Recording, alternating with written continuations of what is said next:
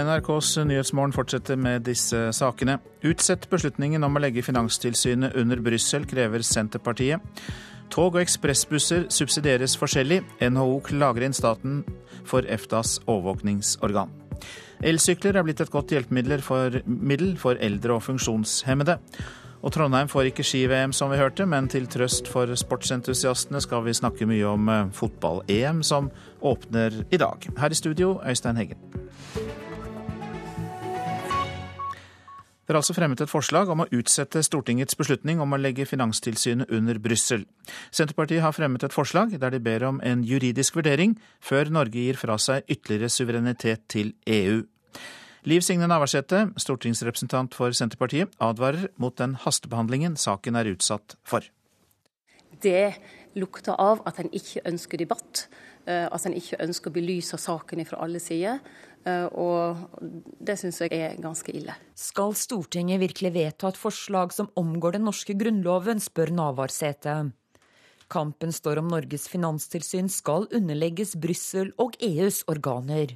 Da må Norge frasi seg suverenitet, noe EU-motstanderne i Senterpartiet er svært kritiske til. I dag skal Stortinget stemme over et forslag fra partiet om å utsette finanstilsynsvedtaket, som etter planen skal bankes gjennom allerede mandag. Vi vil ha en uavhengig vurdering som vurderer alle sider ved suverenitetsavståing og forholdet til Grunnloven. Det er det vi er opptatt av. Selv motstanderne i FrPs stortingsgruppe har mer eller mindre resignert etter at leder og finansminister Siv Jensen var innom gruppa og tok et alvorsord denne uken. Kravet om at FrPs representanter skal fristilles i saken om Finanstilsynet, ble aldri fremmet i partiets gruppe. Likevel har Navarsete et lite håp om støtte fra Frp-erne i dag. Uh, og denne saken kan òg danne presedens for andre saker som vil komme i etterkant. Dagens forslag fra Senterpartiet om å vente på en uavhengig juridisk gjennomgang er et aller siste forsøk på å stoppe vedtaket om å legge Finanstilsynet under Brussels organer. Det har kommet fram mye nye opplysninger etter at finanskomiteen avga sin innstilling. Flere framstående grunnlovsjurister som Schmidt, eh, Fredriksen, eh, Holmavik har vært ute og, advart mot at eh, en gjør et slikt vedtak. Men hvorfor er det så farlig? Kan vi ikke alltid gjøre et lite unntak fra Grunnloven? Nei, det kan vi ikke. Det mente Liv Signe Navarsete, stortingsrepresentant eh, for Senterpartiet, reporter Line Tomter.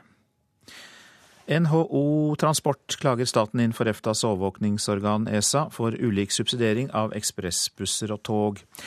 Det kan ikke være riktig at staten sponser rabatter til barn og eldre og andre på tog, mens busselskapene selv må dekke inn tapet de har på rabatterte billetter. Ja, det sier administrerende direktør Jon Stordrange i NHO Transport. Vi ønsker en likebehandling mellom tog og ekspressbuss, som faktisk eh, konkurrerer på en del strekninger her i dag. Og klart at Når NSB får refundert rabatter og ikke ekspressbussene, så vi ikke like konkurransevilkår på de samme strekningene. I tillegg så er jo mange steder som ekspressbussene dekker i dag, som ikke NSB dekker. og Vi syns at eh, de passasjerene skal få glede av sosiale rabatter på lik linje med NSB sine kunder. Og Stordrange viser til at i Danmark subsidierer staten, i tråd med gjeldende EU-rett, alle slike rabatter til reisende på både buss og tog. I Danmark har man fått en ordning der eh, ekspressbussene får eh, refusjon for innbygda sosiale rabatter fra, fra den danske staten på lik linje med tog. Så i Danmark er det likebehandling, som som er i tråd med eh, dagens EU-regler. Jon Stordrange i NHO til reporter Bjørn Atle Gillestad. Oppryddingsarbeidet etter raset på E16 vil trolig starte i dag. I går ble det jobbet med å renske løsmasser som er igjen oppe i fjellet. Det er uklart hvor mange dager oppryddingen vil ta, og når veien vil åpne igjen. Det var altså E16. Omsorgssenteret i Tromsø tar nå i bruk elsykler for å hjelpe funksjonshemmede og eldre med å komme seg ut. Det er Tromsø kommune som har kjøpt fem sykler, og i går ble de brukt for første gang.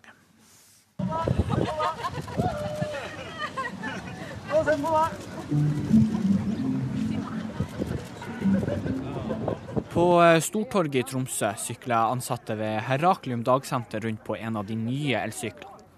Foran på sykkelen kan én eller to stykker sitte i ei vogn og nyte turen.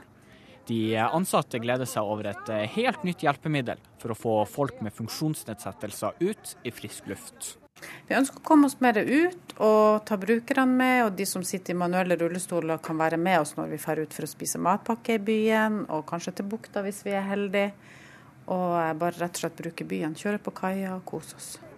Mona Henriksen er enhetsleder ved Heraklium. Både hun og Siv Hilde Nygård har positive erfaringer med å bruke sykkel. Ja, jeg har det. Og det er veldig artig. også det det her med at det er elsykkel, og at han kommer seg frem. Jeg syns det er kjempebra. Eh, det var lett å sykle på den, fordi at du har det her med spesielt det med el, elsykkel. Men jeg glemte stadig vekk av, og jeg er vant til å sykle på en manuell sykkel. Så jeg sykler mye manuelt før jeg får teken på det her elsykkelen også. Da. Ketil Vevle er en av brukerne på dagsenteret, og er svært godt fornøyd med den nye sykkelen. Og han blir gjerne med på prøveturer. Kjempeartig. Ja. Hva som var så artig med å sykle på den sykkelen? Det var godt å sitte og dedle rundt omkring. Det er vanlig å slippe å kjøre sjøl. Ja. og slippe motorturen. De nye elsyklene er en god måte å få ut folk med ulike funksjonshemninger. Det mener Sissel Berntsen, som sitter i en prosjektgruppe som ser på fritidstilbud for barn og unge med funksjonsnedsettelser. Ja, jeg syns det hørtes utrolig flott ut. Hvis det er sånn at eh, at det vil være tilgang på, på ulike typer sykler som passer ulike typer mennesker med funksjonsnedsettelser, så vil jo mange flere kunne benytte sykkel. Berntsen sier at sykling er en populær aktivitet for alle, og mener at det å kunne tilhøre et fellesskap er viktig også for de med funksjonshemninger. Det å få lov å være med og være en del av det her miljøet er jo like viktig for de som har funksjonsnedsettelser. Altså det å, å, eh, få lov til å tilhøre, være en del av ei gruppe og gjøre seg de samme erfaringene som andre som har de samme interessene har, jo også, bidrar jo også til å fremme det sosiale fellesskapet, trivsel.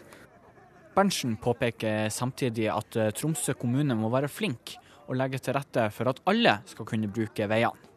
Eh, men det fordrer jo at eh, det blir lagt til rette for å bruke de her syklene. At kommunikasjonsnettet, veier, fortau og sykkelstier blir universelt utforma. Sånn at det er praktisk mulig å bruke de syklene som nå er kommet på markedet. Og flere kommuner har planer om å gjøre det samme. Reporter Gjermund Håkonseth.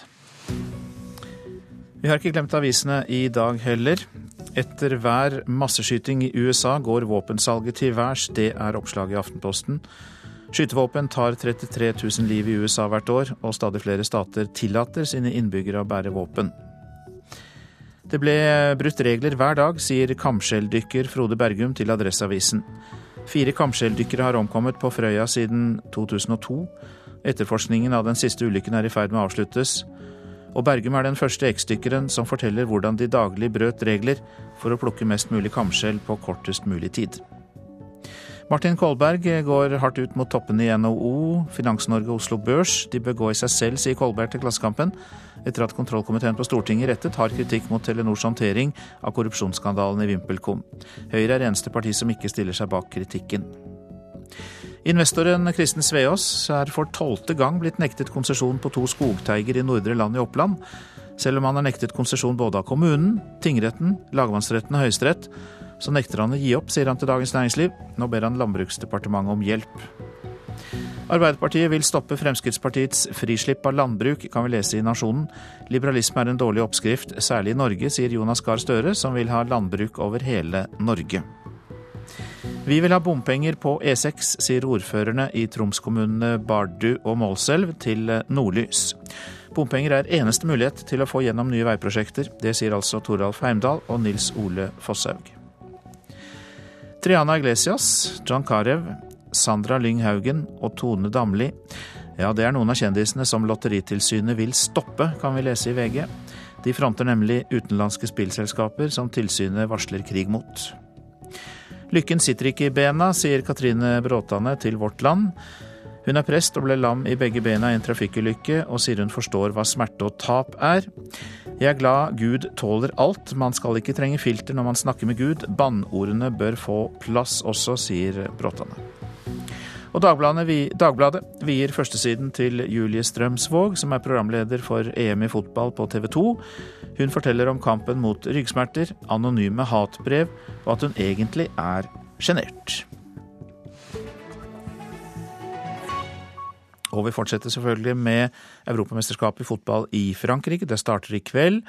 Vertsnasjonen har vunnet både VM og EM de to siste gangene de har arrangert mesterskapet selv, og de er godt forberedt til åpningskampen mot eh, Romania i kveld.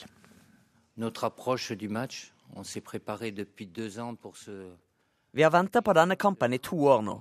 Vi må starte mesterskapet på en positiv måte, sier Frankrikes landslagssjef Didier Deschamps. I kveld står Romania på motsatt banehalvdel.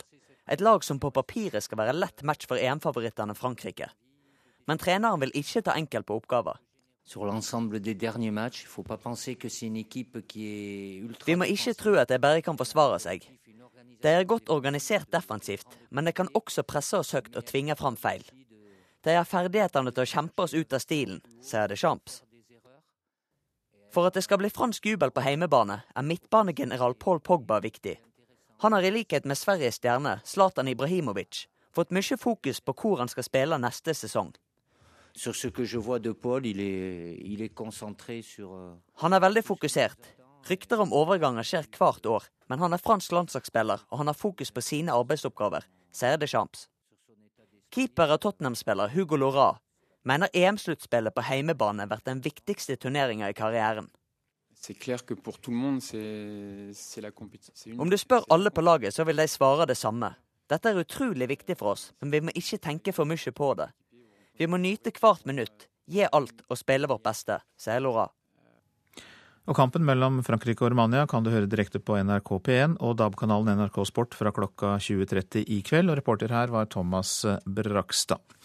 Ja, det er 24 landslag som i en måned framover skal konkurrere på ti forskjellige arenaer i Frankrike. Og du er på plass, NRK-kommentator Christian Nilsen. Riktig god morgen. God morgen. La oss hoppe til finalen med en gang. Frankrike er jo en av favorittene, hørte vi. Men tror du Spania klarer å gjenta suksessen? De vant jo de to forrige europamesterskapene. Ja, de gjorde det, og så gikk de på en eh, stygg smell i VM i Brasil for to år siden. Så jeg er veldig spent på om de klarer å eh, revansjere seg. De har jo fortsatt et veldig godt lag, og de har jo noe å virkelig eh, se fram mot i dette mesterskapet sånn sett. Men å klare å komme seg til en finale i år, det kommer til å bli veldig tøft. For det er et veldig jevnt mesterskap hvor det er vanskelig å trekke fram én klar favoritt, men heller flere nasjoner. Ja, Kanskje Frankrike, kanskje Spania. Eh, hvilke andre kanskje har du eh, på din liste? Ja, jeg har vel eh, Tyskland kanskje helt øverst av eh, alle lagene. Så har du faktisk et engelsk eh, lag som det i år ikke er så store forventninger til i hjemlaget, i hjemlandet. Men de har en god tropp, og de har mange gode spillere, spesielt framover i banen. Så England skal bli spennende å følge med i år. Du har Italia, som kanskje ikke har en så god tropp som i tidligere mesterskap, men Italia er en stor fotballnasjon. Det kan hende at de også klarer å mobilisere. Så har du jo Belgia som en liten outsider. Så fire-fem lag som eh, jeg tror kommer til å være med helt i toppen. Og så er det jo ofte ett overraskelseslag som eh, står fram, som Hellas, som vant i 2004, eh, og Danmark, som vant i 1992. Ja, og Norge kvalifiserte seg ikke, dessverre. Så hvilke land skal vi da heie på? Ja, kanskje Island. Det er jo utrolig sterkt at et land med litt over 300 000 innbyggere klarer å kvalifisere seg til et europamesterskap. De har spillere i gode klubber gode ligaer rundt omkring i Europa. Så jeg tror nok at en del nordmenn kommer til å heie på Island i løpet av eh, dette mesterskapet. Så er det garantert mange som kommer til å følge England eh, litt ekstra nøye med tanke på den store fascinasjonen for engelsk fotball som det er eh, i Norge. Ja. Vertslandet Frankrike møter altså Romania på nasjonalstadion Stade de France i Paris i kveld. Og det var jo et av stedene som ble rammet av terror i november i fjor. Hvordan er sikkerhetstiltakene? Ja, De er eh, ganske omfattende. Når man går rundt i eh, Paris som vi gjorde i går, så merker man ikke så mye til det for så vidt. Altså Folk sitter ute på restauranter og koser seg eh, i det fine været. Men plutselig rundt Eiffeltårnet så kom det flere titalls franske politimenn. Og de kjørte en sånn spot-kontroll med turister rundt Eiffeltårnet. Så man, man føler jo at myndighetene virkelig følger med. Og hvis det skulle skje et eller annet, så håper vi inderlig at det ikke ikke kommer til å skje, så virker det som de er ganske raskt på pletten, selv om de ikke dominerer bybildet. Kanskje i den grad som man eh, skulle tilsi. Og så blir det spennende å se hvordan dette går eh, i kveld. Om eh, alt går smertefritt, om publikum kommer seg tidlig inn på stadion, og at politiet har god kontroll over det som skjer rundt stadion når det skal spilles åpningskamp her i Paris. Mange takk, Christian Nilsen, en av våre kommentatorer under fotball-EM i Frankrike. Og nå til eh, skidretten, for Trondheims ordfører Rita Ottervik er skuffet over at Trondheim tapte kampen om ski-VM i 2021. Eh, Det går da til Oberstdorf eh, i Tyskland. Og når hun nå bearbeider skuffelsen, Ottervik, sier Ottervik at hun etterpå vil starte med å søke neste VM i 2023. Ja, nå er jeg litt skuffa. Samtidig så visste vi når vi starta det løpet her at Oberstdorf var en knallhard konkurrent. De har søkt så mange ganger før. Er et stort uh, marked for uh, ski. Så uh, det her visste vi kom til å bli tøft. Og nå når vi har bedt i oss skuffelsen i morgen tidlig, så begynner vi å jobbe inn mot 2023. For vi har investert mye gjennom kampanjen her og fått et godt grunnlag for neste runde. Er det helt klart at det blir 2023 for Trondheim? Vi, når vi starta løpet her, så visste vi jo at det her kunne bli et løp som gikk eh, mer enn i én runde. Eh, så her må vi holde ut og bruke nå det vi har investert eh, i markedsføring av Trondheim og søknadene våre og prosjektene våre. Og jeg tror vi har lagt et fantastisk godt grunnlag for neste runde. Rita Ottervik til reporter i Mexico, Toft Aker. Dette er Nyhetsmorgen. Klokka er snart 6.00. 50. Og eh, dette er hovedsaker. Det blir ingen vekterstreik på Oslo lufthavn. Vekternes fagforening Parat og NHO Service kom seint i natt til enighet. Utsett beslutningen om å legge Finanstilsynet under Brussel, krever Senterpartiet, som vil ha en juridisk vurdering før Norge gir fra seg mer suverenitet til EU. Og Trondheim tapte altså kampen om ski-VM i 2021. Det er altså Oberstdorf i den tyske delstaten Bayern som skal arrangere mesterskapet. Nå skal vi høre at rekordmange har forhåndsstemt i folkeavstemningene om kommunesammenslåing i Follo i Akershus. Både på Nesodden og i Ås har over 20% av velgerne forhåndsstemt. Kommunene gir innbyggerne mulighet til å stemme digitalt over nettet, og mener at det har gitt god uttelling. Jeg kommer nok til å stemme da digitalt, tenker jeg. Det blir stemming digitalt. Det er sånn at man går inn på evalg2016.no og så kom man inn Som Ås-ordføreren viser på datamaskinen på kontoret, kan valget i hjemkommunen gjøres unna med noen få tastetrykk, en mulighet svært mange har benyttet seg av de siste dagene. Nå på søndag åpner valglokalene for folkeavstemning i fem Follo-kommuner. Men allerede nå har Ås, Ski og Nesodden fått langt flere forhåndsstemmer elektronisk enn det mange kommuner fikk totalt i sine folkeavstemninger. I Ås er det rundt 26% som nå har stemt, og nabokommunen Nesodden ligger hakk i hæl. Veldig glad for det, for vi la jo opp til at det skulle være enkelt å stemme. Og det har aldri vært enklere på Nesodden med det at vi prøvde oss på, eh, på nettvalg. Inntil nå er jeg veldig glad for at uh, over 21% har brukt muligheten til å stemme på nett. Sier Nesodden-ordfører Nina Sandberg fra Arbeiderpartiet. Sjansene for å få et tydelig råd fra innbyggerne stiger for hver stemme som kommer inn. Men valget om flere mindre kommuner skal gå sammen i én stor, engasjerer også i kommuner uten digitale alternativer. Verken Frogn eller Enebakk tilbyr annet enn avstemning med den gode, gammeldagse stemmeurna. Men også forhåndsstemmingen i Enebakk har vært svært god, sier ordfører Øystein Slette. Vi har jo aldri hatt uh, så mange forhåndsstemmer i noe valg før, verken stortingsvalg eller kommunalt valg. Så for oss er dette her en rekord, og det, jeg håper det vitner om at det blir god deltakelse på selve valgdagen også. I mange folkeavstemninger landet rundt har valgdeltakelsen vært elendig. Det er det ingenting som tyder på at den blir i Follo.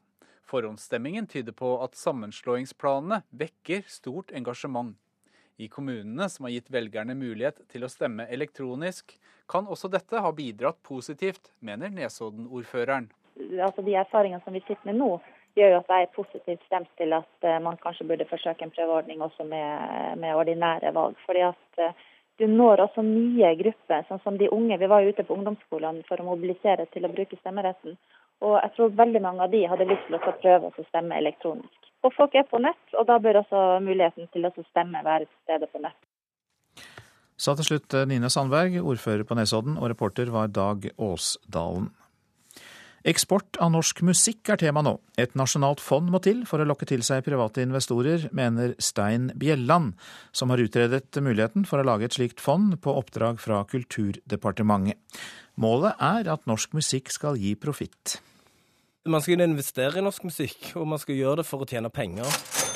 Stein Bjelland har planen klar. Norsk musikkbransje skal forvandles fra idealistiske bakromsprosjekter til en profittbasert industri som kan måle muskler med de største i internasjonal platebransje. For å få til dette jobbes det på spreng med å opprette et nasjonalt investeringsfond for musikk.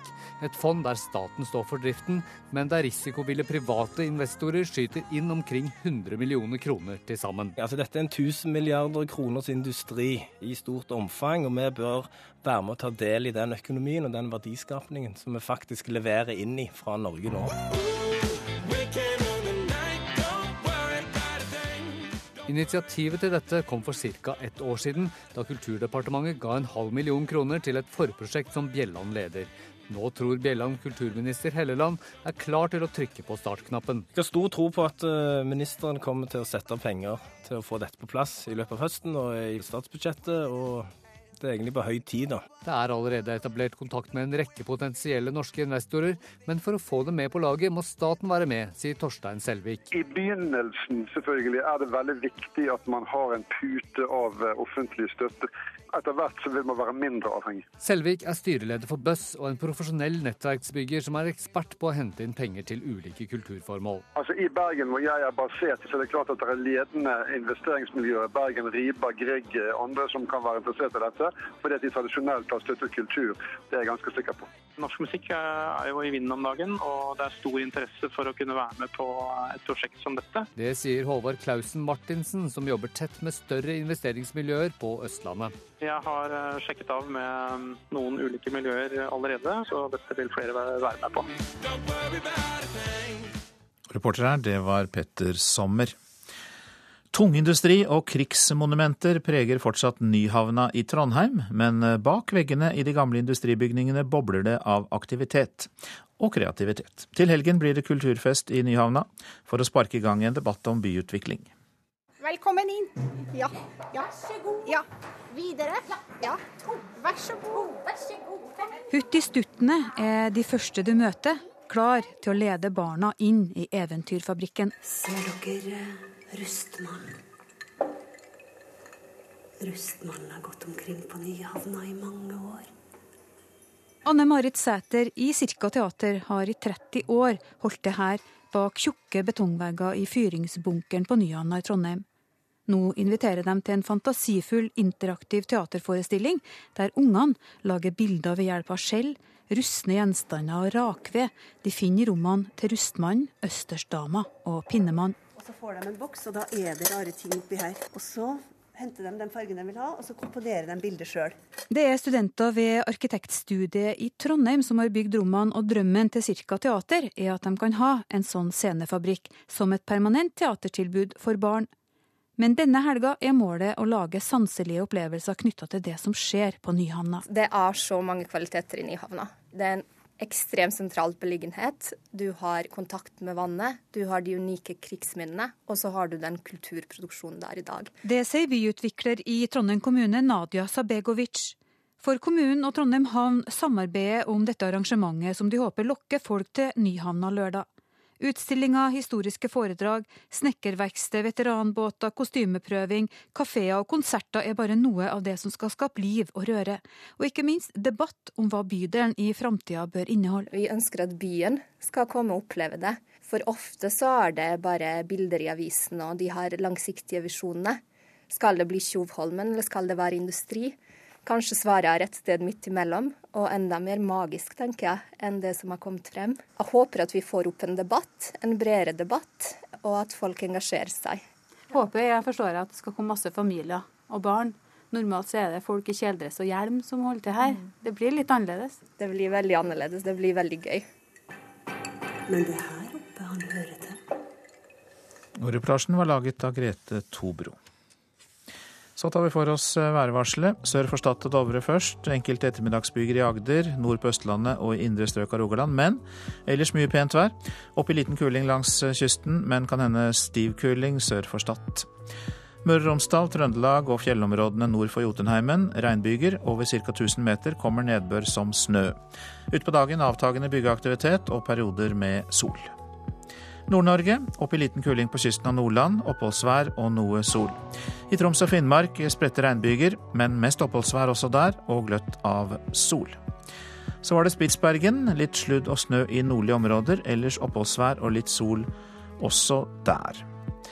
Så var det temperaturene, og disse ble målt klokka fem i natt. Svalbard lufthavn fire grader, Kirkenes tre grader. Vardø og Alta begge fire.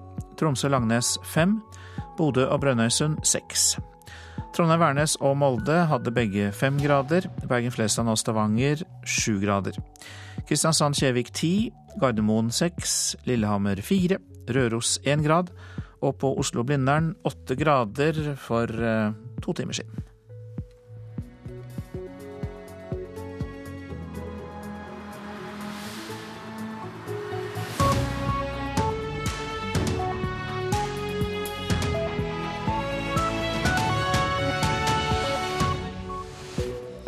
Nyhetsmorgen fortsetter med disse sakene. Opposisjonens vilje til asylinnstramming er dempet av at det kommer færre asylsøkere til Norge, mener innvandringsminister Sylvi Listhaug.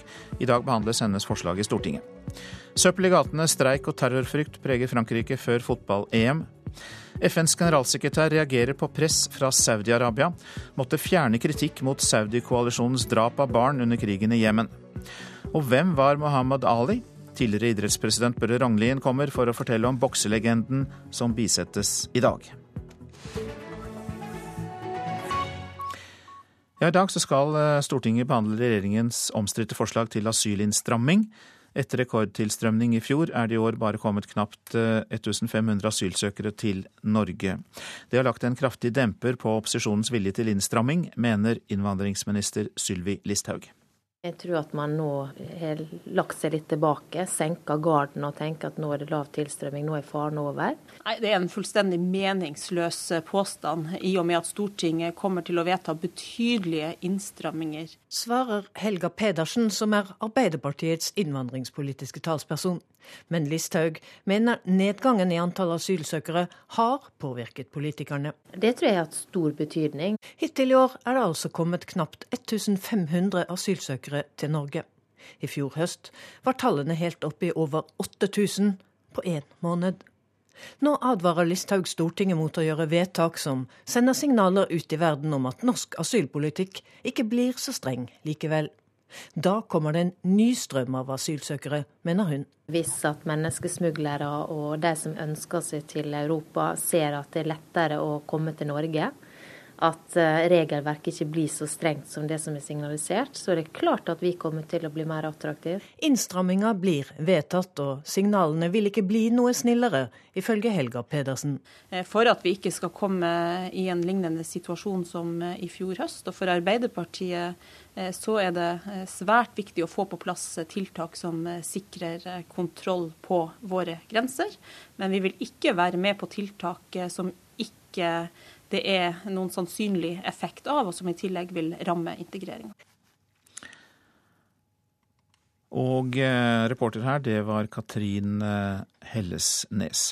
Ja, dette er altså dagen da norsk asylpolitikk eh, endelig skal vedtas, og det preger også Politisk kvarter. Lilla Sølhusvik? Ja, vi skrur tida tilbake seks måneder, noen uker og en dag til det store asylforliket i Stortinget. Da var jo nesten alle partiene på Stortinget enige om å stramme inn kraftig i norsk asylpolitikk. Og i Politisk kvarter skal vi prøve å ta det store overblikket for hvor kraftig innstramming ender vi egentlig opp med. Snakker vi om betydelige innstramminger, eller eh, gis det andre signaler? Og hvordan kan Sylvi Listhaug i så fall jobbe videre som innvandringsminister? Til oss kommer mannen som har ansvar for saken i Frp. Mannen som har jobba hardest for en enighet som aldri ble noe av. Og en mann som er storfornøyd med å ha stått utenfor absolutt hele tida. Ja, Politisk kvarter eh, kvart på åtte. I dag eh, åpner fotball-EM i Frankrike, altså. Men oppkjøringen til mesterskapet har jo vært preget av terrortrusler og streiker. Korrespondent i Paris, Tore Tollersrud, hvordan ser det egentlig ut i den franske hovedstaden nå timer før avspark? Jo, søppelet hoper seg opp i Paris' gater. Det så vi eh, med selvsyn i går. Vi dro ned til eh, det kjente turistområdet Saint-Germain. Der lå det mye søppel, og vi snakket med folk som var meget irritert over det. Og Vi så også uh, at det kom en del private firmaer og faktisk hentet inn søppel. og Bak det står Paris kommune, for de uh, orket ikke lenger å se på dette her. Bak søppelstreiken så står fagforeningen CGT, som senest i går vedtok å forlenge denne streiken i flere dager. Eh, de står bak flere av streikene som nå eh, skjer i Frankrike, og sier til oss at streikene fortsetter selv om det arrangeres EM i fotball, men avviser at de misbruker streikevåpenet. On ne fait pas nous le chantage à l'euro, c'est le gouvernement qui le fait puisqu'il ne voit pas après-midi. Vi vil ikke bruke EM i fotball til å drive utpressing, sier Fabrice Angi, som sitter i forbundsledelsen i CGT. Men det gjør derimot regjeringen, som når som helst kan ta kontakt og starte dialog. Han minner om at aksjonene mot den omstridte arbeidsloven har vart i tre måneder, men først nå får den virkelig oppmerksomhet. Tirsdag neste uke blir det en stor nasjonal markering i Paris, hvor arbeidstakere fra alle byer i Frankrike vil delta, og det er ventet hundretusener, ifølge Angi. CGT hevder selv det er Frankrikes største fagforbund, med over 700 000 medlemmer. CGT-medlemmene er kjent for å bruke dramatiske virkemidler, som brenning av bildekk og bruk av røykbomber. Slik låt det da CGT tidlig torsdag morgen blokkerte utkjøring fra et internasjonalt matmarked nær Paris. De marsjerte i gatene og blokkerte trafikken i vanlig stil. Dette er en del av den franske kulturen, der det er vanlig å visualisere sinne og raseriet, sier Fabrice Anchi. Ça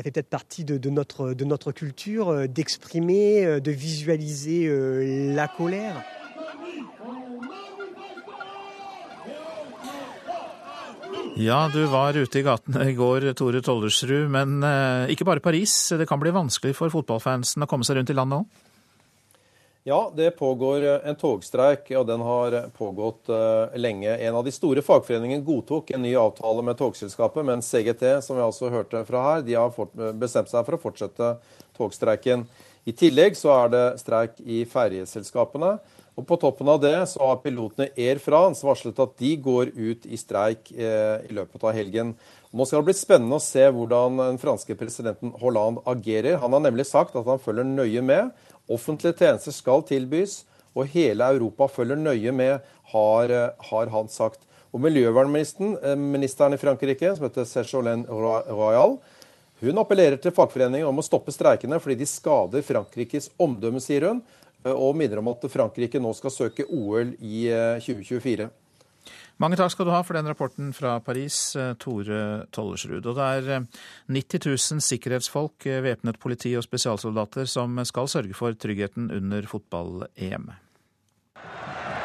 Det er 18 år siden forrige gang. Forrige gang norske supportere strømmet til et fotballmesterskap i Frankrike. Her ser Brasil på sitt beste når det blir åpninger. Men årets EM-fest i Frankrike holdes imens det er unntakstilstand i landet. Etter terrorangrepene i Paris i november 2015 har franskmennene måttet leve i frykt for nye angrep, og redselen for at det skal skje under EM er stor. Det er ikke eh, noen grunn til å være uforsiktig. Det sier Norges ambassadør i Frankrike, Rolf Einar Fife. Han ber nordmenn om å være forsiktige når de befinner seg i områder der det er mange mennesker som på offentlige transportmidler, turistattraksjoner og på fotballstadioner. Og vi har lagt ut på våre nettsider noe vi har kalt for reisevettreglene. Som eh, tilsier at man eh, er spesielt påpasselig. Eh, det gjelder også hvorvidt man har med seg verdisaker når man er i blant store folkemengder. Ambassadøren er likevel klar på at franske myndigheter tar sikkerheten på alvor og at franskmennene vil lage en stor fotballfest for Europa. Bybildet er preget av at uh, man har et synlig uh, nærvær av uh, personell som skal sikre og trygge sikkerheten.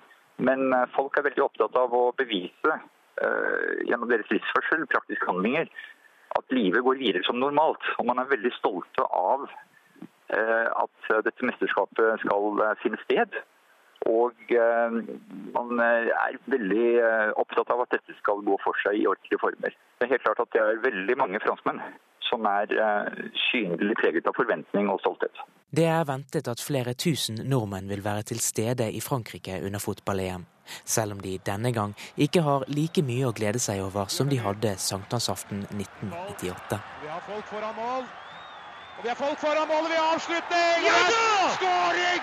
Vi har skåret i Marseille! Vi har skåret mot Brasil! Vi har skåret og det var Eirik Tufteland Kroken som hadde laget denne reportasjen for oss. Rådgiver i selskapet Sikkerhetstjeneste, Rolf Arne Kurti, velkommen. Hei, takk. Du har jobbet i politiet og er jo kjent fra TV-serien Drømmen om Europa. Reiste til Italia og jobbet med etterretning for Frontex og snakket med flyktninger. Men du kjenner altså til eh, hvordan vi skal forholde oss i trengte situasjoner. Og UD sier nordmenn bør utvise forsiktighet. Hva betyr det egentlig? Det ligger eh, noe bak det som han sa litt tidligere i reportasjen, det her med å være bevisst og, og være godt forberedt til eh, dit man skal reise. Og Nå er jo situasjonen blitt litt mer spesiell i år. eller denne Terrorgreia har kommet mye tettere innpå oss etter de handlingene både i Brussel og i Paris. Og Det er all grunn til å være aktsom. Er det noe man absolutt ikke bør gjøre? Ja, det er vanskelig å si sånn konkret hva man ikke bør gjøre. Men eh, vi som jobber med det her daglig, som i, som i mitt firma i sikkerhetsledelse, vi sier til folk at man trekker seg unna folkesamlinger. altså Der det er mye folk som er i, tett innpå en, så prøver man å trekke seg unna. Og hvis det oppstår hendelser og, og ting, så, så trekk unna og kom i skjul. Ikke oppsøk situasjonen. Hvilken forskjell er det på uh, ulike situasjoner, f.eks. hvis det oppstår uh, skyting et sted, eller hvis det er uh, en eksplosjon som kan være et bombeangrep? Bomber er veldig vanskelig, fordi at du kan ikke forutse hvor de går av. Og når det smeller, så smeller det, og da er det på en måte løpet kjørt. Når det gjelder skyting, så er det litt annerledes. Da vil du høre lyd, og du vil høre kanskje hvor det, hvor det her skjer. Og da har man muligheter til å, til å eh, trekke seg unna og komme seg bort fra det området hvor det skytes. Eh, men bomber, som sagt, det vet vi aldri hvor de har plassert ut. Men eh, hold seg kanskje unna de plassene hvor det samles veldig mye folk, sånn som på undergrunn etc. etc. Men det er jo vanskelig under et fotball-EM. Man må jo følge strømmen for å komme inn på, på stadion og følge de anvisningene som myndighetene har satt opp.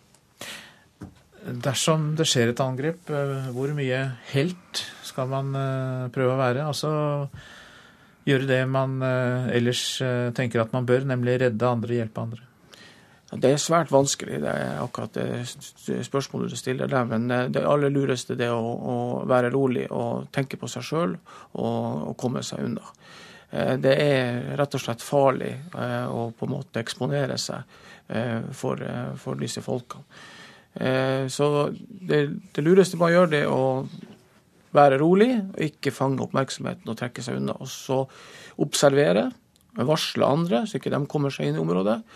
Og så, eh, når man ser at det er kontroll på situasjonen, og politiet og nødetatene er på plass, og man har kontroll, så kan man være med og hjelpe da. Mange takk skal du ha for de rådene, Rolf Arne Kurti, som altså er rådgiver i selskapet Sikkerhetstjeneste. Dette er Nyhetsmorgen. Klokka har nettopp passert 7.15, eh, og vi har disse nyhetssakene. Opposisjonens vilje til asylinnstramming er dempet av at det kommer færre asylsøkere til Norge, mener innvandringsminister Sylvi Listhaug. Mer om det i Politisk kvarter om en eh, halvtime.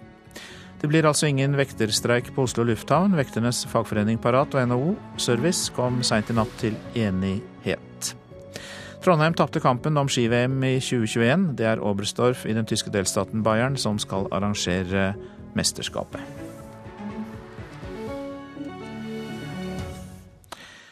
FNs generalsekretær Ban Ki-moon har reagert sterkt på det han opplever som en utilbørlig press fra Saudi-Arabia og landets allierte.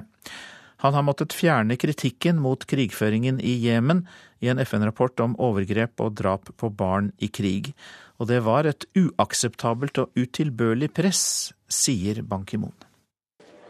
Det var en oppsiktsvekkende ærlig generalsekretær i FN som møtte pressen i går kveld. My latest report on children and armed conflict uh, has documented the harrowing situation of Yemen's children. Min siste rapport har dokumentert den forferdelige situasjonen for barn i Jemen, sa Ban Ki-moon og fortsatte. There has been fierce reaction uh, to my decision to temporarily remove the Saudi-led coalition countries from the report's annex. This was, uh, this was one of the most painful and difficult decisions det har vært en voldsom reaksjon om midlertidig fjerne den Saudi-ledede koalisjonen fra rapportens vedlegg. Det er en av de vanskeligste beslutningene jeg har tatt. Rapporten beskriver forhold som ingen barn skulle oppleve. Samtidig måtte jeg ta inn over meg at millioner av andre barn ville lide alvorlig hvis, slik det ble forelagt meg, mange land ville trekke sin bistand til FN-programmer, sa han og bekreftet med det det som internasjonale diplomater har hevdet denne uka, nemlig at det har vært et intenst press mot FNs generalsekretær for å fjerne Saudi-Arabia og landene som deltar i koalisjonen i krigføringen i Jemen fra lista. Det politiske dramaet begynte da Ban Ki-moon framla sin årlige rapport om barn i krig, hvor den Saudi-ledede koalisjonen ble utpekt som en av synderne. Og så fjernet den fra lista mandag denne uka. Koalisjonen kriger i Jemen på vegne av han det internasjonale samfunn fortsatt mener er landets legitime president, selv om han lenge har vært i eksil. FN har dokumentert at den Saudi-ledede koalisjonen står for 60% av drapene på barn. Men det ville ikke Saudi-Arabia og deres allierte være med på. De startet et press hvor mange virkemidler ble brukt, inkludert å true med å trekke støtte til FN-programmer i Sør-Sudan, Syria og Palestina. Saudi-Arabias FN-ambassadør til FN benekter at noe slikt har skjedd, og sier at de er forpliktet overfor FN. De hevder derimot at FN ikke hadde tatt hensyn til deres innspill om rekruttering av barnesoldater, og vil ha saken opp til vurdering på ny. Men det var en sjelden direkte Ban Ki-moon som snakket i går. Kanskje hørte vi en mann som var presset litt for langt inn i et hjørne, og som snart skal gi seg som generalsekretær, og som ikke hadde så mye å tape. It is unacceptable for member states to exert undue pressure. Scrutiny is a natural and necessary part of the work of the United Nations. I stand by the report. We will assess the complaints that have been made, but the contents will not change. Det er uakseptabelt at medlemsstater øver utilbørlig press. Gransking er naturlig og en nødvendig del av arbeidet til FN. Jeg står ved rapporten, vi skal gå gjennom innvendingene, men innholdet vil ikke endres, sa han. Redd Barna er en av organisasjonene som har reagert på fjerningen. Og de skriver i en e-post til NRK at de håper Saudi-Arabia blir satt inn på listen igjen. Sigurd Falkenberg Mikkelsen, Kairo.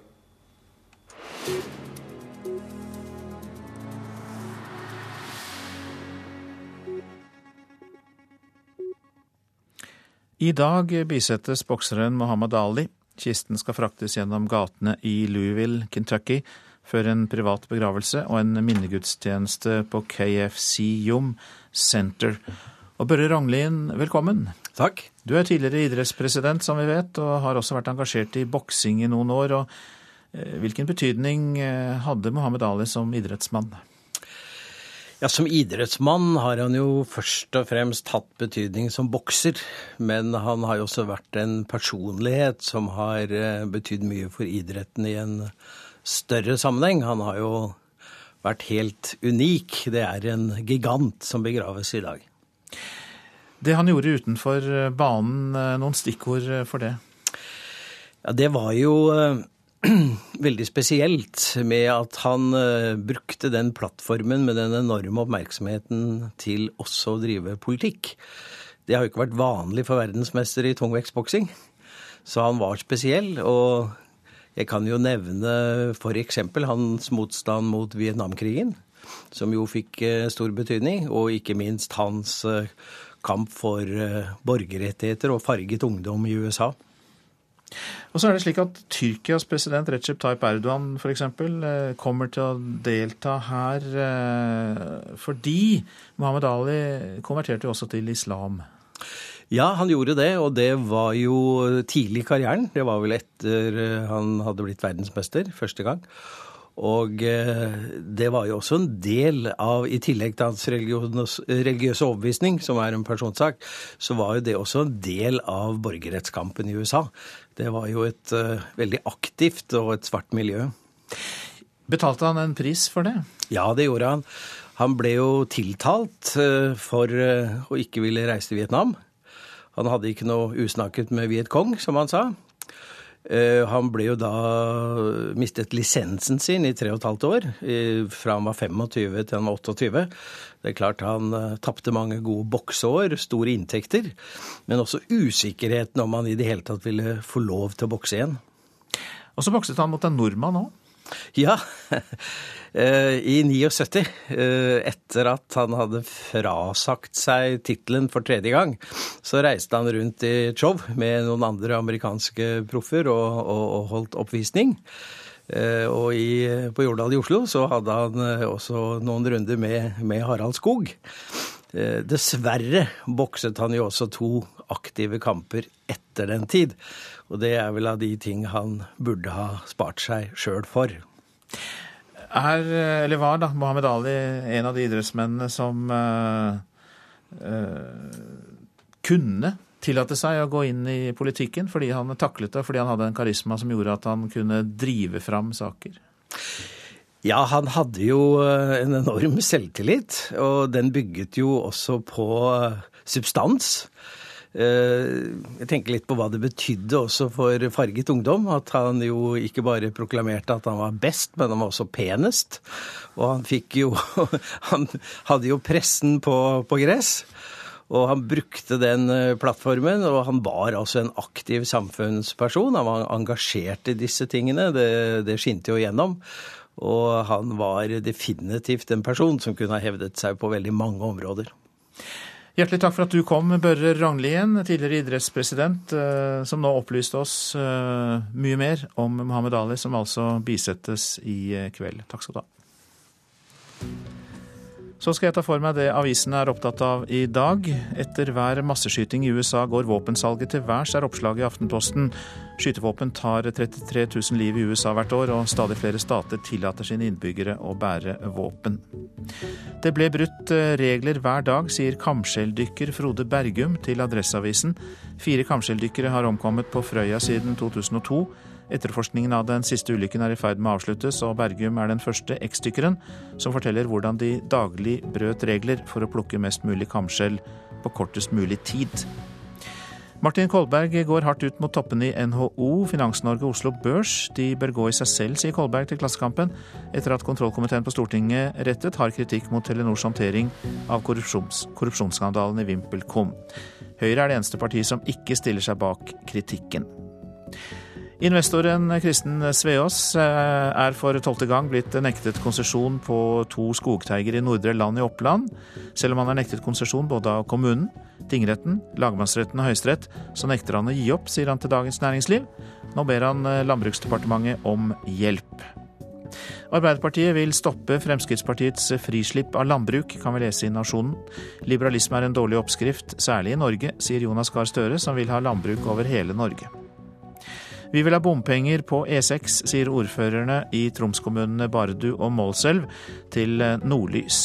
Bompenger er den eneste muligheten til å få gjennomført nye veiprosjekter, sier Toralf Heimdal og Nils Ole Fosshaug. Triana Iglesias, John Carew, Sandra Lyng Haugen og Tone Damli. Ja, det er noen av kjendisene som Lotteritilsynet vil stoppe, kan vi lese i VG. De fronter nemlig utenlandske spillselskaper som tilsynet varsler krig mot. Lykken sitter ikke i bena, sier Katrine Bråtane til Vårt Land. Presten ble lam i begge bena i en trafikkulykke, og sier hun forstår hva smerte og tap er. Jeg er glad Gud tåler alt, man skal eh, ikke trenge filtre. Bannord bør få plass når man snakker med Gud, sier Bråtane. Dagbladet vier førstesiden til Julie Strømsvåg, som er programleder for EM i fotball på TV 2. Hun forteller om kampen mot ryggsmerter, anonyme hatbrev, og at hun egentlig er sjenert.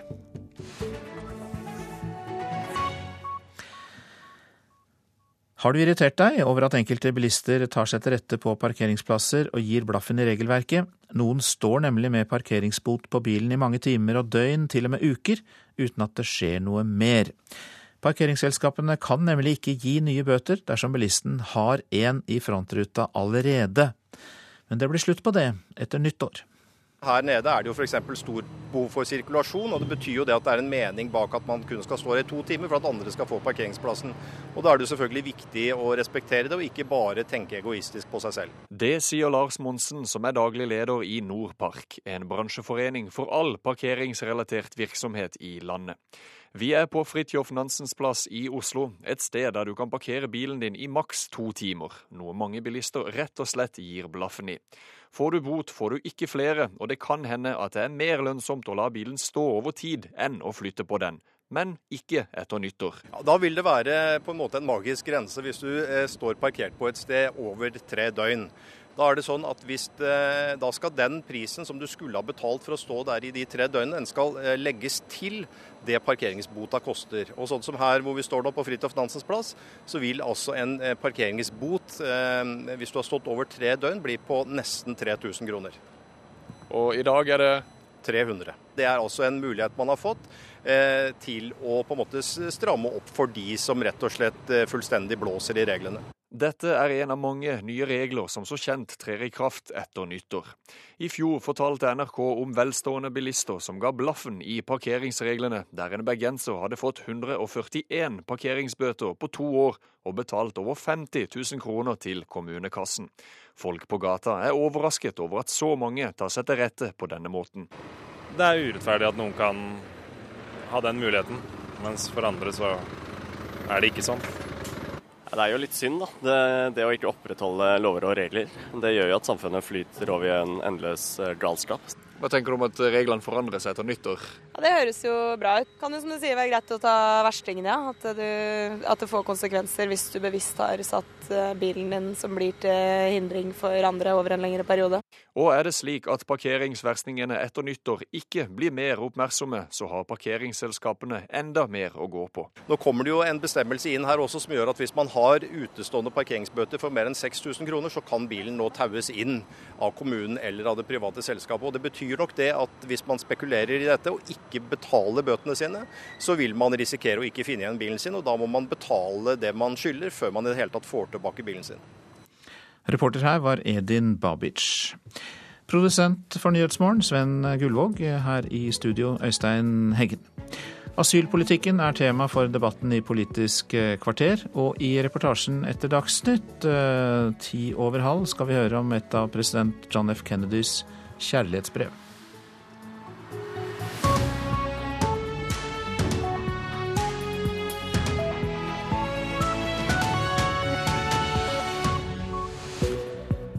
Mer om søppel, streik og demonstrasjoner foran fotball-EM blir det her i eh, Nyhetsmorgen.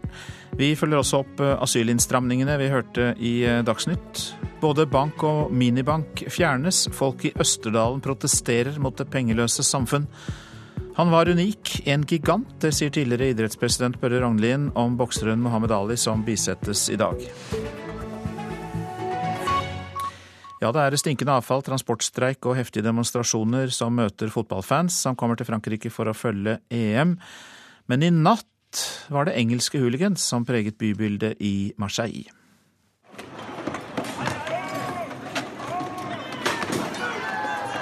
Engelske fotballsupportere har inntatt Marseille, og da blir det bråk. Stoler og ølglass flyr gjennom luften, og fransk politi svarer med tåregass og batonger. Akkurat som under VM i 1998 begynte lokale ungdommer og engelske hooligans å slåss i gatene i den sørfranske byen. I dag starter fotball-EM, og det har lenge vært snakk om terrorister og sikkerhet. I natt var det fotballsupporterne selv som lagde bråk. I en annen EM-by, Nance, var det i går store demonstrasjoner mot den nye arbeidsloven. Og opprørspoliti måtte settes inn for å få kontroll og i Paris blir turistene møtt av overfylte søppelkasser og transportstreik. Det begynner å lukte noe helt forferdelig, forteller en mann til fransk TV. Og han er ikke alene om å reagere. Også turister som kommer til byen, reagerer på lukten og kaoset som preger byen. Coming to Paris, you're coming to Europe.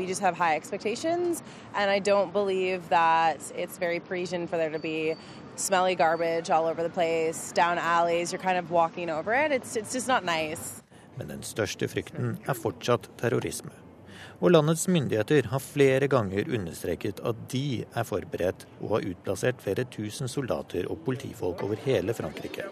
Men foreløpig har de store folkemassene latt vente på seg. Jeg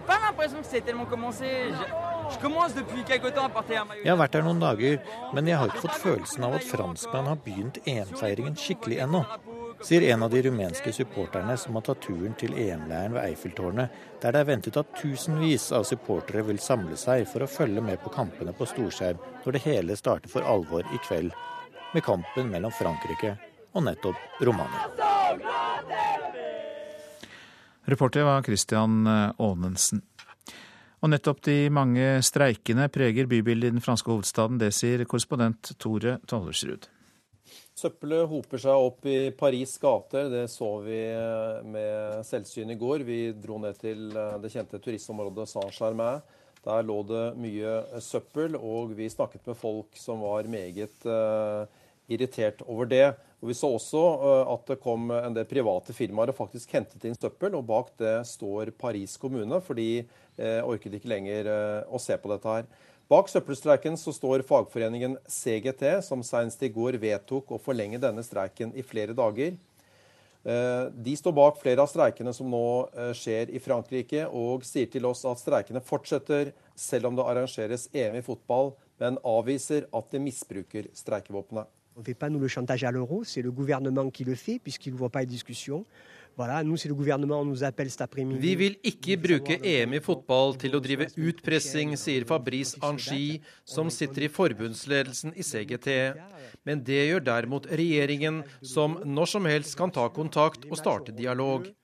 Han minner om at aksjonene mot den omstridte arbeidsloven har vart i tre måneder, men først nå får den virkelig oppmerksomhet. Tirsdag neste uke blir det en stor nasjonal markering i Paris, hvor arbeidstakere fra alle byer i Frankrike vil delta, og det er ventet hundretusener, ifølge Angi. CGT hevder selv det er Frankrikes største fagforbund, med over 700 000 medlemmer. CGT-medlemmene er kjent for å bruke dramatiske virkemidler, som brenning av bildekk og bruk av røykbomber. Slik låt det da CGT tidlig torsdag morgen blokkerte utkjøring fra et internasjonalt matmarked nær Paris. De marsjerte i gatene og blokkerte trafikken i vanlig stil. Dette er en del av den franske kulturen, der det er vanlig å visualisere sinne og raseriet, sier Fabrice Anchi.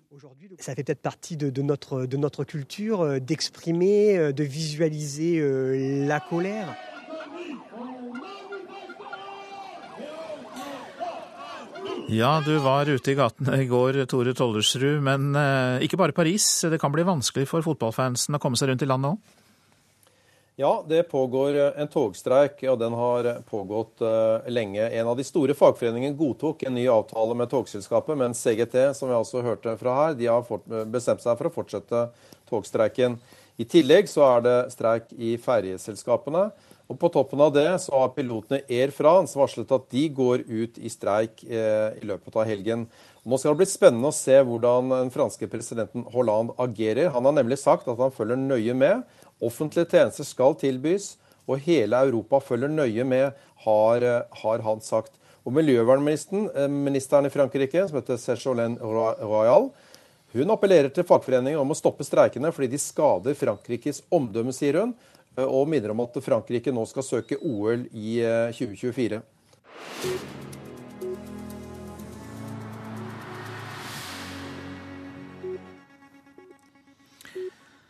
Hjem igjen og til eh, parkering og irritasjon. For eh, har det irritert av bilister som tar seg til rette på parkeringsplasser og står med parkeringsboten på bilen i timer, døgn, til og med uker, uten at det skjer noe mer.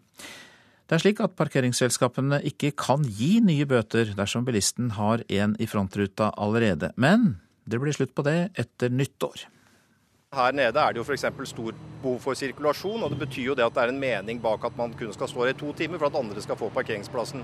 Og Da er det jo selvfølgelig viktig å respektere det, og ikke bare tenke egoistisk på seg selv. Det sier Lars Monsen, som er daglig leder i Nordpark, en bransjeforening for all parkeringsrelatert virksomhet i landet. Vi er på Fridtjof Nansens plass i Oslo, et sted der du kan parkere bilen din i maks to timer, noe mange bilister rett og slett gir blaffen i. Får du bot, får du ikke flere, og det kan hende at det er mer lønnsomt å la bilen stå over tid enn å flytte på den. Men ikke etter nyttår. Ja, da vil det være på en måte en magisk grense hvis du eh, står parkert på et sted over tre døgn. Da er det sånn at hvis det, eh, da skal den prisen som du skulle ha betalt for å stå der i de tre døgnene, den skal eh, legges til det parkeringsbota koster. Og sånn som her hvor vi står nå på Fridtjof Nansens plass, så vil altså en eh, parkeringsbot, hvis du har stått over tre døgn, bli på nesten 3000 kroner. Og i dag er det 300. Det er altså en mulighet man har fått til å på en måte stramme opp for de som rett og slett fullstendig blåser i reglene. Dette er en av mange nye regler som så kjent trer i kraft etter nyttår.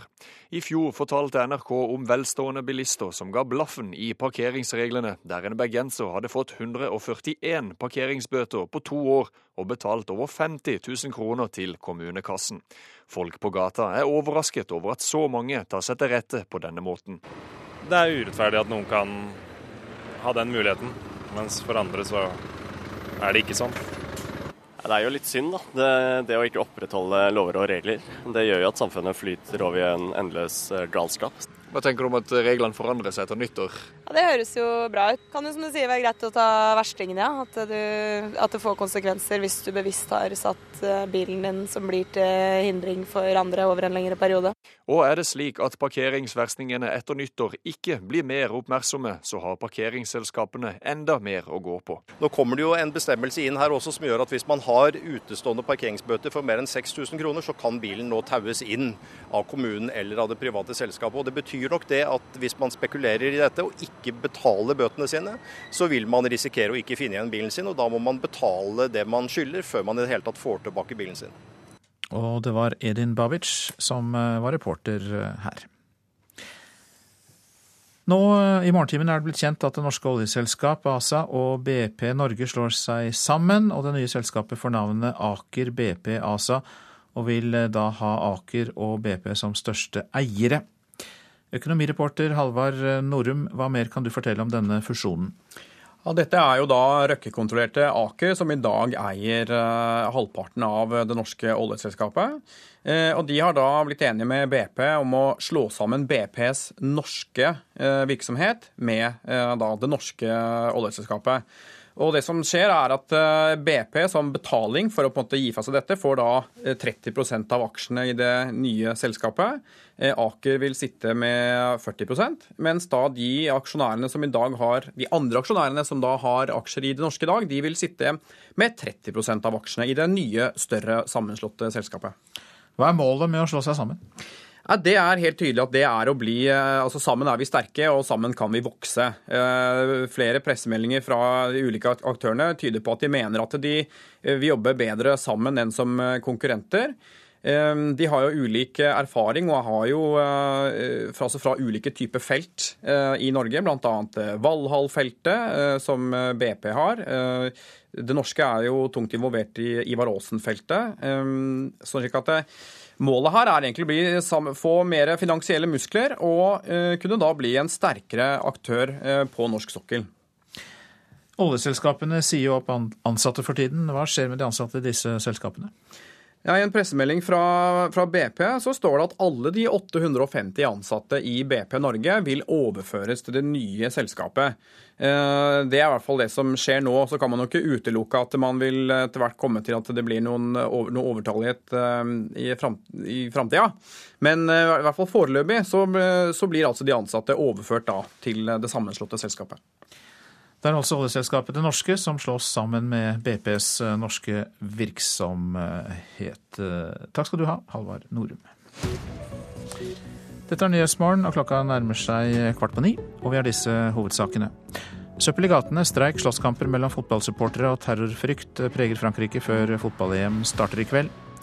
Vi har hørt at det norske oljeselskap og BP Norge slår seg sammen. Det nye selskapet får navnet Aker BP ASA. Det blir ingen vekterstreik ved Oslo lufthavn. Vekternes fagforening Parat og NHO Service kom i natt til enighet. Og vi skal høre at folk i Østerdalen protesterer mot eh, det pengeløse samfunn. For det er nemlig slik at de aksjonerer i Folldalen mot at Sparebanken eh, Hedmark eh, legger ned filialen der, og trolig blir også minibanken fjernet. De er ikke klar for det kontantløse samfunn, de som bor der. Det er jo så håpløst fordi at eh, Folldalen er utkantskommune. Eh, det er langt til nærmeste filial. Eh, vi må da reise til Alvdal, som blir det nærmeste. Og det er da litt over fire mil en vei. Eh, og det blir litt eh, vanskelig med tanke på pensjonister og eldre som kanskje ikke bruker nettbank og smarttelefon som vi, vi litt yngre bruker i dag, da. Det sier Tommy Lundberg om at Sparebanken Hedmark 1.7 legger ned filialen i Folldal, og i tillegg muligens også fjerner minibanken i bygda. Uten det blir det vanskelig å ta ut penger, sjøl om de fortsatt har butikker igjen med kontanter. I Folldalen er et lite samfunn, og det er ofte sånn hvis du skal ta ut penger i butikken, så må de først sjekke om de har nok penger i kassa til, til å gi ut. Og det er ikke alltid de har, så det er ikke noe godt alternativ i det hele tatt i forhold til en minibank, i hvert fall. I dag aksjonerer han og flere andre mot nedlegginga, som Sparebanken begrunner med både at det er færre som besøker filialen i Folldal, og at de skal drive rasjonelt. Men uh, vi ser jo det, vi at det, det blir jo en, uh, en lengre reisevei for kundene. Og det, det er jo beklagelig, men eh, vurderinga er jo sånn at vi skal drive mest mulig rasjonelt, og da, da ble beslutninga sånn nå. Sier avdelingsleder i Sparebanken Hedmark i Alvdal og Folldal, Gøran Medås. Han jobber nå med både kommunen og Pensjonistforeninga for å hjelpe kunder som ikke klarer nettbankløsninger sjøl. Vi har òg inngått et lite samarbeid med Frivilligsentralen, der vi eh, kjøper inn nettbrett, sånn at eh, de kan få litt hjelp eh, til bruken av sjølbetjening, de som ikke har nettbrett eller PC sjøl. Nå er jo veldig mange kunder eh, delvis sjølbetjent i utgangspunktet, for de bruker da brevgiro og avtalegiro, eh, de som ikke har eh, internett. Sier Medås, som sier banken også er i dialog med kommunen om alternative løsninger. Men ordfører Hilde Tveråen er ikke overbevist om at Folldal er klart for et pengeløst samfunn. Det er ikke pengeløst eh, enda, så eh, det er mange som er avhengig av både muligheten til å få ta ut eh, kontanter og, og sette inn igjen. Så det passer veldig dårlig å være uten bank, ja. Hun skal sjøl ha innlegg mot Sparebanken under aksjonen i dag, og tror det skal være mulig for folldøler å få tak i kontanter uten å reise mellom fem og ti mil også i framtida. Ja, jeg må være optimist og tro det. Vi, vi, vil jo ha det sånn som Sparebanken nå sa, at de vil jo hjelpe oss eh, med at minibanken skal stå der iallfall nå i de tre første månedene. Og etter det så eh, vil jeg ha tro og håpe at vi har ei løsning på at vi har noen minibankmuligheter.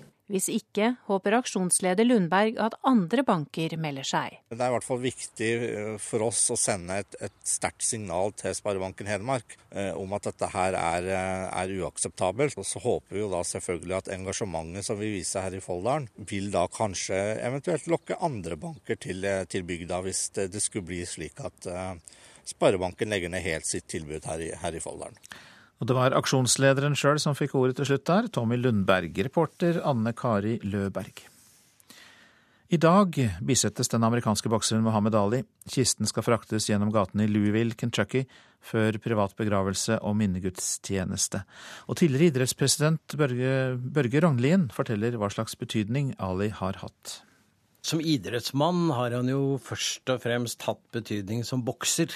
Men han har jo også vært en personlighet som har eh, betydd mye for idretten i en større sammenheng. Han har jo vært helt unik. Det er en gigant som begraves i dag. Det han gjorde utenfor eh, banen, eh, noen stikkord for det? Ja, det var jo veldig spesielt med at han uh, brukte den plattformen med den enorme oppmerksomheten til også å drive politikk. Det har jo ikke vært vanlig for verdensmester i tungvektsboksing. Så han var spesiell. Og jeg kan jo nevne f.eks. hans motstand mot Vietnamkrigen, som jo fikk uh, stor betydning. Og ikke minst hans uh, kamp for borgerrettigheter og farget ungdom i USA. Og så er det slik at Tyrkias president Recep Tayyip Erdogan f.eks. eksempel, kommer til å delta her eh, fordi Mohammed Ali konverterte jo også til islam. Ja, han gjorde det, og det var jo tidlig i karrieren. Det var vel etter eh, han hadde blitt verdensmester første gang. Og det var jo også en del av, i tillegg til hans religiøse overbevisning, som er en personsak, så var jo det også en del av borgerrettskampen i USA. Det var jo et uh, veldig aktivt og et svart miljø. Betalte han en pris for det? Ja, det gjorde han. Han ble jo tiltalt uh, for uh, å ikke ville reise til Vietnam. Han hadde ikke noe usnakket med Viet Cong, som han sa. Han ble jo da mistet lisensen sin i tre og et halvt år, fra han var 25 til han var 28. Det er klart han uh, tapte mange gode bokseår, store inntekter, men også usikkerheten om han i det hele tatt ville få lov til å bokse igjen. Og så bokset han mot en nordmann òg? Ja. Eh, I 79, eh, etter at han hadde frasagt seg tittelen for tredje gang, så reiste han rundt i show med noen andre amerikanske proffer og, og, og holdt oppvisning. Eh, og i, på Jordal i Oslo så hadde han også noen runder med, med Harald Skog. Dessverre bokset han jo også to aktive kamper etter den tid. Og det er vel av de ting han burde ha spart seg sjøl for. Er, eller var da, Mohammed Ali en av de idrettsmennene som uh, uh, kunne tillate seg å gå inn i politikken fordi han taklet det, fordi han hadde en karisma som gjorde at han kunne drive fram saker? Ja, han hadde jo eh, en enorm selvtillit, og den bygget jo også på eh, substans. Eh, jeg tenker litt på hva det betydde også for farget ungdom. At han jo ikke bare proklamerte at han var best, men han var også penest. Og han fikk jo Han hadde jo pressen på, på gress. Og han brukte den eh, plattformen, og han var altså en aktiv samfunnsperson. Han var engasjert i disse tingene, det, det skinte jo gjennom. Og han var definitivt en person som kunne ha hevdet seg på veldig mange områder. Tidligere idrettspresident Børge Ranglien eh, der. Fremskrittspartiet er fornøyd med at Stortinget i dag vedtar innstramninger i asylpolitikken. Det sier FrPs Helge André Njåstad, som leder kommunalkomiteen i Stortinget. Innvandringsminister Sylvi Listhaug har i dag advart eh, stortingsflertallet mot signalene de gir ved ikke å stemme for regjeringens forslag i Stortinget, men ifølge Njåstad er Frp i hovedsak fornøyd. Selvfølgelig så syns vi at vi skulle fått flertall for alt som Sylvi Erna la fram. fordi at eh, det trenger Norge i den situasjonen vi står i med eh, stor tilstrømming til Europa. Eh, men samtidig så skal vi ikke legge skjul på at det blir strengere i morgen enn det er i dag. Regjeringen får flertall for mange av forslagene. Jeg kunne ramse opp masse av det vi får, med både mulighet for avvisninger på grensa i en krisesituasjon, oppheve rimelighetsvilkår i henvisning på internflukt, 24-årsregel på familieetablering og en rekke andre forslag blir vedtatt. Når Stortinget i dag vedtar innstramminger i asylpolitikken, blir det ikke flertall for regjeringens strengeste forslag, f.eks. innen familiegjenforening og for unge enslige asylsøkere. I Dagsnytt i morges advarte innvandringsminister Sylvi Listhaug mot signalene som da vil bli gitt til dem som er på flukt over Middelhavet. Jeg har jo reist litt rundt og truffet folk, både i Hellas og i, i Italia. Snakka med flyktninger som sier at de hører at Norge er strengt. Jeg snakker med ansatte der nede som sier at færre ønsker å reise til Norge. Det har med signal å gjøre, at man har sendt tydelig beskjed om at vi har stramma inn i Norge, og at vi jobber med ytterligere innstramminger. Men om Stortinget da ikke vedtar det, så vil jo signalene bli annerledes igjen. Som regjeringsparti og som innvandringsminister er det Listhaug selv som sitter med mest kontroll over hvilke signaler som gis dem som drømmer om et nytt liv i nord. Helge André Njåstad sa i Politisk kvarter i dag at Frp ikke vil konkludere med at Stortinget vedtar en snillere eller slappere asylpolitikk, fordi Frp ikke fikk viljen på alle punkter. Signalet i dag fra vår, vår kommer til å være at vi er glad for at vi får gjennomslag for masse. Vi er glad for at vi får det strengere. Vi er glad for at de andre partiene er kommet etter oss etter 30 års kamp. Eh, men vi skulle gjerne sett at de gikk enda lenger, fordi at det er en uavklart situasjon i Europa. og Det er viktig å eh, være streng og det er viktig å sende tydelige signal. Eh, men vi kommer ikke til å si i dag at dette var for dårlig, og at dette blir, blir mer liberalisert. Og Lilla Sølesvik var reporter her. Et forslag det er flertall for under behandlingen av integreringsmeldingen, er å be regjeringen vurdere hvordan offentlig støtte kan tas fra flere religions- og trossamfunn. Audun Lysbakken fra SV sier det er viktig å ikke subsidiere intoleranse. Altså, denne våren har vi sett uh, mange unge kvinner uh, ta et oppgjør med sosial kontroll og æreskultur. Vi vet at det ofte er knyttet til konservativ religion. Uh, samfunnet mangler muligheter til å slå ned på trossamfunn som sprer diskriminerende eller undertrykkende holdninger mot kvinner. Det sier SV-leder Audun Lysbakken etter flertall på Stortinget for å ha muligheten til å trekke støtten til flere religiøse trossamfunn. Altså, vi håper uh, å kunne få et regelverk der det er mulig å slutte å subsidiere intoleranse. Der religiøse mørkemenn som undertrykker kvinner eller homofile som fremmer sosial kontroll og æreskultur, kan frata statsstøtte. Det er eh, frihet til å tro det du vil i Norge, men det kan ikke være sånn at du har krav på statlig støtte uansett hva slags verdier du formidler. Audun Lysbakken fra SV var det, og reporter var eh, Ola Solheim. Så er statsmeteorolog Siri Wiberg eh, Horjen kommet i studio. God morgen til deg. Takk for det. Nordavind, det må vi fortsatt finne oss i? Ja, vi må nok det. Og den er jo ganske kald, så det blir ikke noe veldig varme i noe sted av landet. Kanskje den eh, temperaturen kryper opp mot 20 grader enkelte steder på Vestlandet. Og det er kanskje Vestlandet som stikker av med det beste været. Det blir eh, sur nordavind med opp i stiv kuling på kysten. Ellers stort sett pent vær, men det kan dukke opp enkelte ettermiddagsbyger indre strøk av Rogaland. Enkelte byger vil det fortsatt gå i Trøndelag og Møre og Romsdal, selv om det blir færre byger utover dagen. Og vind fra nord-nordøst med opp i frisk bris på kysten. Østafjells, her vil det også blåse fra nord med opp i frisk bris på kysten, og det blir en og annen byge nord på Østlandet og på Sørlandet, ellers opphold og lange perioder med sol.